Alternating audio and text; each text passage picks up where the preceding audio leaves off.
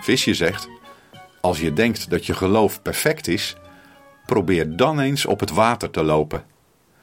We hebben allemaal wel eens de neiging om te denken dat we het helemaal voor elkaar hebben in ons geloof.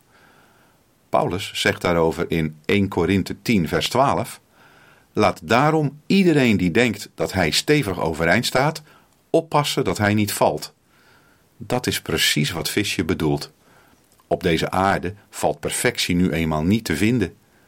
Petrus kon ook alleen maar op het water lopen door zijn blik gericht te houden op Jezus. Zodra hij dat niet meer deed, voelde hij hoe sterk de tegenwind was en begon meteen te zinken. Dat is met ons net zo. We kunnen niets uit eigen kracht.